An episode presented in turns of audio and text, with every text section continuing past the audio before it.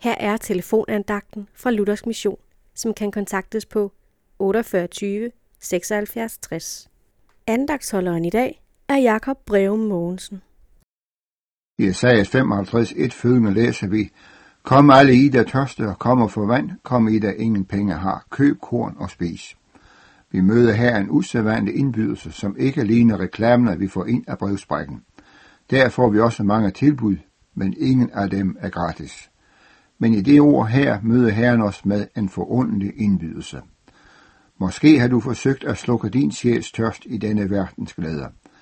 Men om du vil være ærlig over for dig selv, der må du erkende, at intet det, som denne verden kan give, kan skænke dit hjerte sand hvile og fred. Derfor er du som lytter en af dem, der har gjort denne erfaring og siger tilbage med smerte og skuffelse og tomhed i hjertet.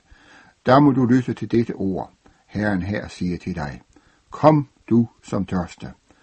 Du som føler dig fattig og tom, du må vende dig til Jesus med din nød. Han er den, der alene kan slukke din sjæls tørst og smerte. Men måske vil du spørge, hvordan skal jeg komme? Jeg må vel også selv gøre noget. Når du sætter dig til bords for at spise, der er det ikke nok at bordet dækket med forskellige retter.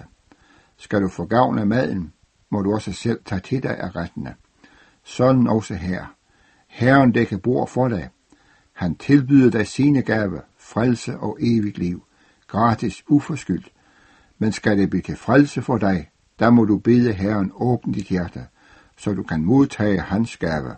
Må Gud velsigne dig dertil for sit navns skyld. Amen.